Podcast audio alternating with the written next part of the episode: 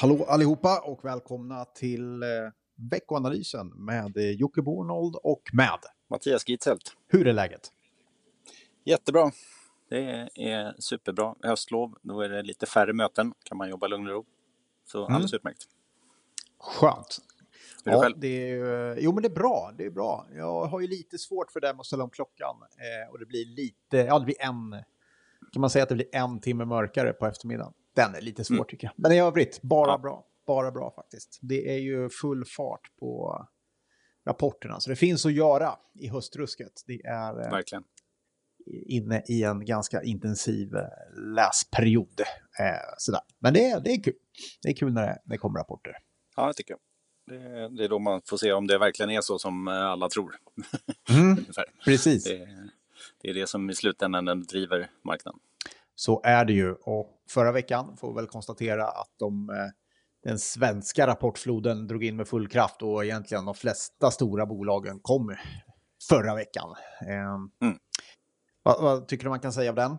Som väntat eller? Ja, men alltså överla överlag, nu pratar jag inte bara Sverige, men överlag så är det väl liksom lite grann samma tendens vi hade i andra kvartalet.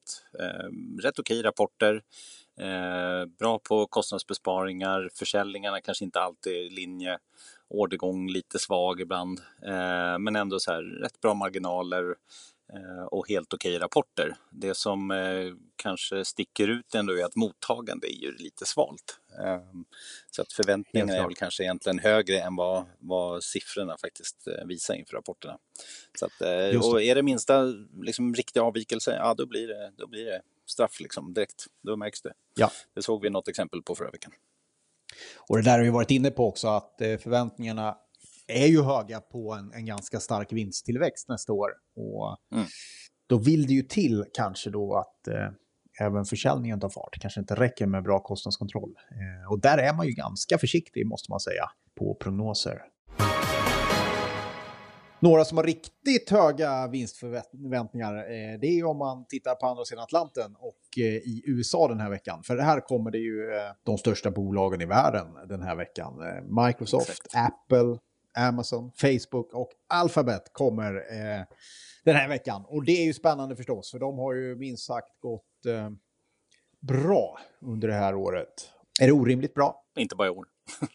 Nej, inte bara, inte bara i år, eh, utan under en lång period förstås. Eh, Man kan konstatera att de här står för 22 procent av hela marknadsvärdet i USA, så det är ju en koloss, får man väl säga, Ja. har blivit, de här jättarna.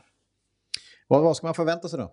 Ja, men alltså är det några negativa avvikelser då lär vi se det, inte bara hos dem utan då, Mm. blir, det, då blir det börsfall nog allmänt skulle jag säga och det påverkar ju svensk marknad och allting. Så att, eh, det, det, är, det är höga förväntningar men de har ju varit duktiga på att leva upp till det här. Och eh, om man tittar på USA totalt då så ska ju de här Q3, då, alltså rapporterna, jämfört med föregående år så ska de visa en eh, negativ vinsttillväxt på 20 procent. Så det ska ju liksom, förväntningarna på det sättet är ju låga.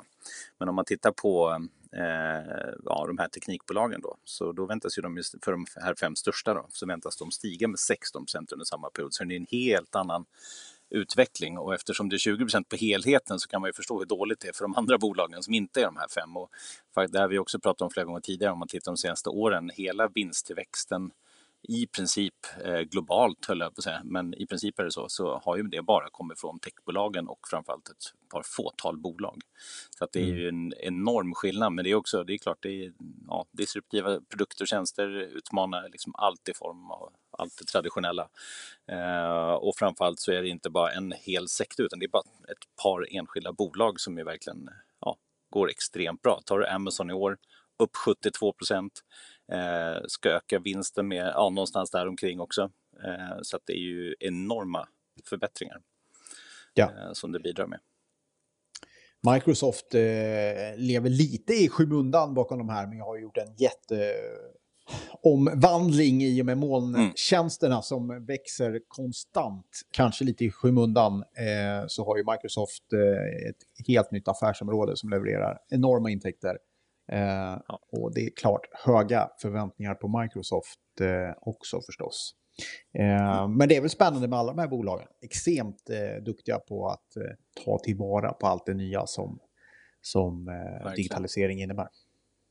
Ja, men framförallt, alltså, de har ju en, liksom, en väldigt flexibel affärsmodell och det är lite intressant. Alltså, de har ju väldigt starka balansräkningar. I år är det ju starka balansräkningar som har gått starkt. Ehm, mm. Men åren innan om man tittar vilka typer av ska säga, aktiemarknadssegment som har gått starkt så har det ju kanske snarare varit bolag som ehm, ja, betalar höga utdelningar eller som har höga återköp. Och det roliga är att det är samma bolag som dyker upp. Så det, mm. det, är liksom, det är de som i princip står för, för all överavkastning av S&P 500. För tittar man historiskt lite grann så där, alltså från typ 90-talet och framåt, ja men då fanns det ganska tydliga perioder, till exempel från ja, efter millennieskiftet till efter finanskrisen, då var det ju liksom det som gick bra var ju eh, bolag som satsade på kapitalinvesteringar, och forskning och utveckling och så vidare. Då var inte det här varken förvärv eller utdelning eller återköp någonting som drev överavkastning. Eh, så där hade vi en sån period. Sen innan dess, innan eh, millennieskiftet, ja då var det ju i princip eh, helt fokus på, på utdelning. Eh, och nu, så, nu är det liksom oavsett vad det är så är det alltid de här techbolagen som står för, för, eh, för överavkastningen. Och det här blir ju väldigt intressant tycker jag när vi går in i nästa år. För att, eh, är det nu så att ekonomin återhämtas och vi får lite inflation och kanske räntorna stiger, det är många som tror att tioårig ränta ska upp till 1,5 procent nästa år, eh, då ska ju liksom bolag som ja, visar upp någon form av tillväxt gynnas historiskt. Eh, och då är det frågan, är det liksom, vad är det för typ av bolag som ska det? Så vi tror ju faktiskt att det fortsatt är eh, teknologibolagen eh, som, som kommer ta det här och vara ganska bra även nästa år. Så vi, vi gillar det liksom i, i flera olika marknadsscenarion. Så det tycker jag ändå är rätt intressant med de här bolagen, att de, de är så pass flexibla som det ser ut just nu. Så att det är bra i alla lägen. Just det. Och klarar även coronarestriktioner eh, ser nästan ut att gynna de här bolagen också eh, faktiskt. Mm. Eh, ja, det är spännande. De eh, får man hålla utkik efter under veckan här. Om vi går in och kollar, eh, vi hänger kvar lite i föregående vecka och eh, ja, vi kunde konstatera att rapportsäsongen var minst sagt intensiv. Eh, och ja, det räckte kanske inte. Vi, vi hade väl lite det på känn, att det räckte inte riktigt kanske med att bara slå och göra bra rapporter och bra resultat skulle jag säga, utan det räcker att ha, vara hyfsat positiv i vd-orden också när man blickar framåt och det kanske var där det, det svajade mest. Däremot kan man väl konstatera att det finns rätt bra förutsättningar för utdelning, inte minst i bankerna, men det, det, den dörren verkar stängd eh, det här året i alla fall. Eh, mm, det var väl några som, som sa det förra veckan va? Att mm, de eh, kan tänka sig... och ja. SEB och Nordea har väl stängt den dörren. Eh, mm. Swedbank och Handelsbanken också. Det är väl Swedbank som är kvar och inte har bestämt sig. Men det är väl bara att konstatera att pengarna lär väl förr eller senare skiftas ut i alla fall. Ja. Men det kanske inte blir, blir i år då. Ja, alltså även om man inte ska skifta ut dem, något ska man göra med dem och det, det har ju varit lite svårt att hitta intressanta investeringar så gissningsvis ska de ju ut på något sätt. Då. Sen kan man ju distribuera kapital på olika sätt i och för sig. Men... Så är det ju, men samtidigt det där är ju någonting som man kanske inte är super eh, happy över om man är aktieägare till exempel i banksidan. För man vill ju inte att de ska behöva låna ut eh, börja låna ut för frikostigt eller låna ut till, till mm. kunder som man egentligen har tackat nej till eh, därför att det finns för mycket pengar i, i kassan. Det, är en, eh, det brukar inte vara någon bra, bra situation så att eh, nej, det vettiga är ju att, att dela ut de där pengarna och till slut lär de väl bli utdelade också, antar jag. Mm. Eh. Makrostatistik, vårt kära PMI-index, hur går det? Ja, inköpscheferna som vanligt höll jag på att säga. Mm. Jo, men det kom ju de här preliminära siffrorna i fredags då. Och det gjorde det för Japan, Europa och USA. Och man kan väl säga att det viktiga globalt sett, det är ju att eh, det håller upp. Eh, så det är eh, över 50 i alla fall på expansionsnivå.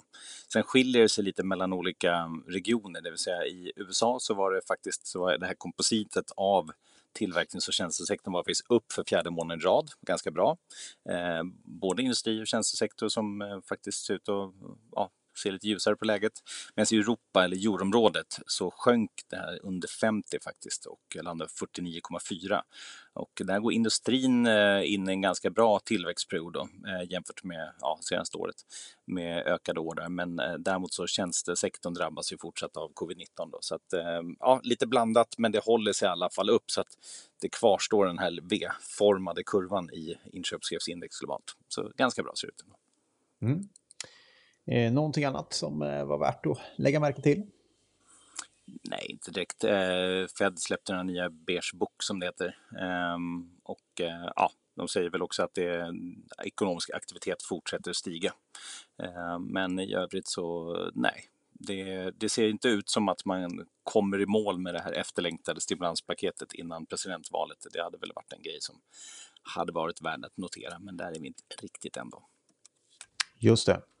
Ja, kollar vi på den här veckan så lär det väl bli fokus på presidentval, eller vad tror du? Det är tisdag nästa ja. vecka som vi får det. Så att, ja. eh, aktiemarknaden, aktiemarknaden har svårt att, att, hantera flera saker samtidigt och fokus lär väl, eh, lär väl hamna där.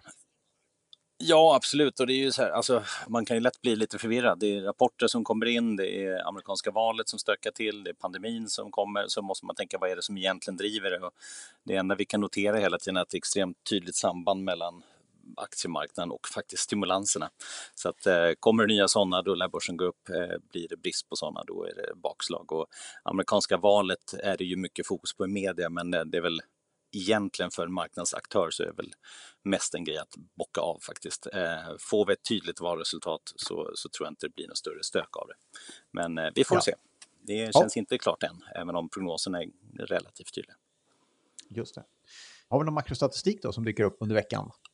Ja, massor faktiskt. Eh, inget som jag skulle säga är så här livsviktigt så, men det finns ju IFO-index i Tyskland som kommer. Eh, allt är bra att titta på, både nuläge och framtidsutsikter. Eh, och som fortsatt då förhoppningsvis bekräftar den här återhämtningen efter kollapsen i våras. Sen har vi eh, lite hushållskonfidensindikatorer i USA, konsumentförtroende som inte riktigt har återhämtats på samma sätt eh, som till exempel inköpschefsindex. Eh, vi har i Sverige KI-barometer. Vi har räntebesked från eh, Europeiska centralbanken. Eh, och vi har faktiskt också i USA statistik över privatkonsumtion och inflation. Så det finns väldigt mycket, men jag tror inte det borde bli några jättestora överraskningar eh, i någon av de här. Men det är ändå värt att hålla ögonen på. Mm. Eh, bra, tittar man lite på aktiemarknaden så är det ju som sagt mycket rapporter då. Är det Eh, någon speciell dag man ska kika lite extra så får det väl bli torsdag eftermiddag då kanske, för där kommer Amazon, Apple, Facebook med mera, med mera. Det är en ganska, eller det är en riktigt rapporttung per eh, dag på torsdag.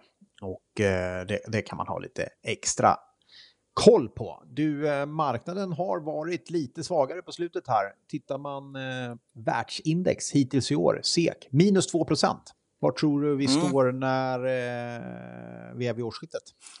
en klassisk en fråga som alltid det var, duckar. ja, det var faktiskt en fråga som vi fick. Är det sant? Ja, vad härligt. För ni får jättegärna skicka frågor till oss och det gör ja. ni på veckoanalysen sodebergpartners.se. Och då är frågan, hur går eh, börsen resten av året? Har du någon gissning? Då säger jag så här, eftersom du säger minus 2 i år i SEK, eh, det är ju faktiskt så att i lokal valuta så är det 5% upp i världen. Då säger jag att den, eh, den stänger 8% upp i år, eh, lokal ja. valuta. Sen är jag lite osäker på, på valutasvängningarna, men det är min gissning. Lokal valuta, då säger, jag, då säger jag eh, noll hamnar vi på. Det blir lite deppigt. Oj, då är det ju, ja, då blir det, det, blir deppigt. Ja. det blir deppigt på slutet här. Eh, det kan okay. vara höstmörkret som påverkar mig, men eh, någonstans mm. där. Men ah, vi det ska vi komma ihåg. Det, ja, vi får eh, gå tillbaka och se facit sen förstås. Eh, men eh, det, det, ja, jag vet inte. Kanske att jag tror att riskaptiten avtar lite här, men eh, vi får väl se. Mm. Någonting annat man ska ha koll på innan vi stänger butiken för idag? Nej, jag tror att vår tid har väl gått lite grann. Um, ja, in på, på 90-talet allt möjligt. Eh. både i den här podden och i livet i övrigt. nej, det, nu, nej, nu är du riktigt deppig. Nej, fy. nej så, så illa är det inte. Jag menar bara podden faktiskt. Nej, bra. jag har faktiskt Tack. inget extra att tillägga. Vad bra, då tycker jag att vi stänger här innan vi gräver ner oss för djupt. Tack så mycket för att Så- du lyssnade.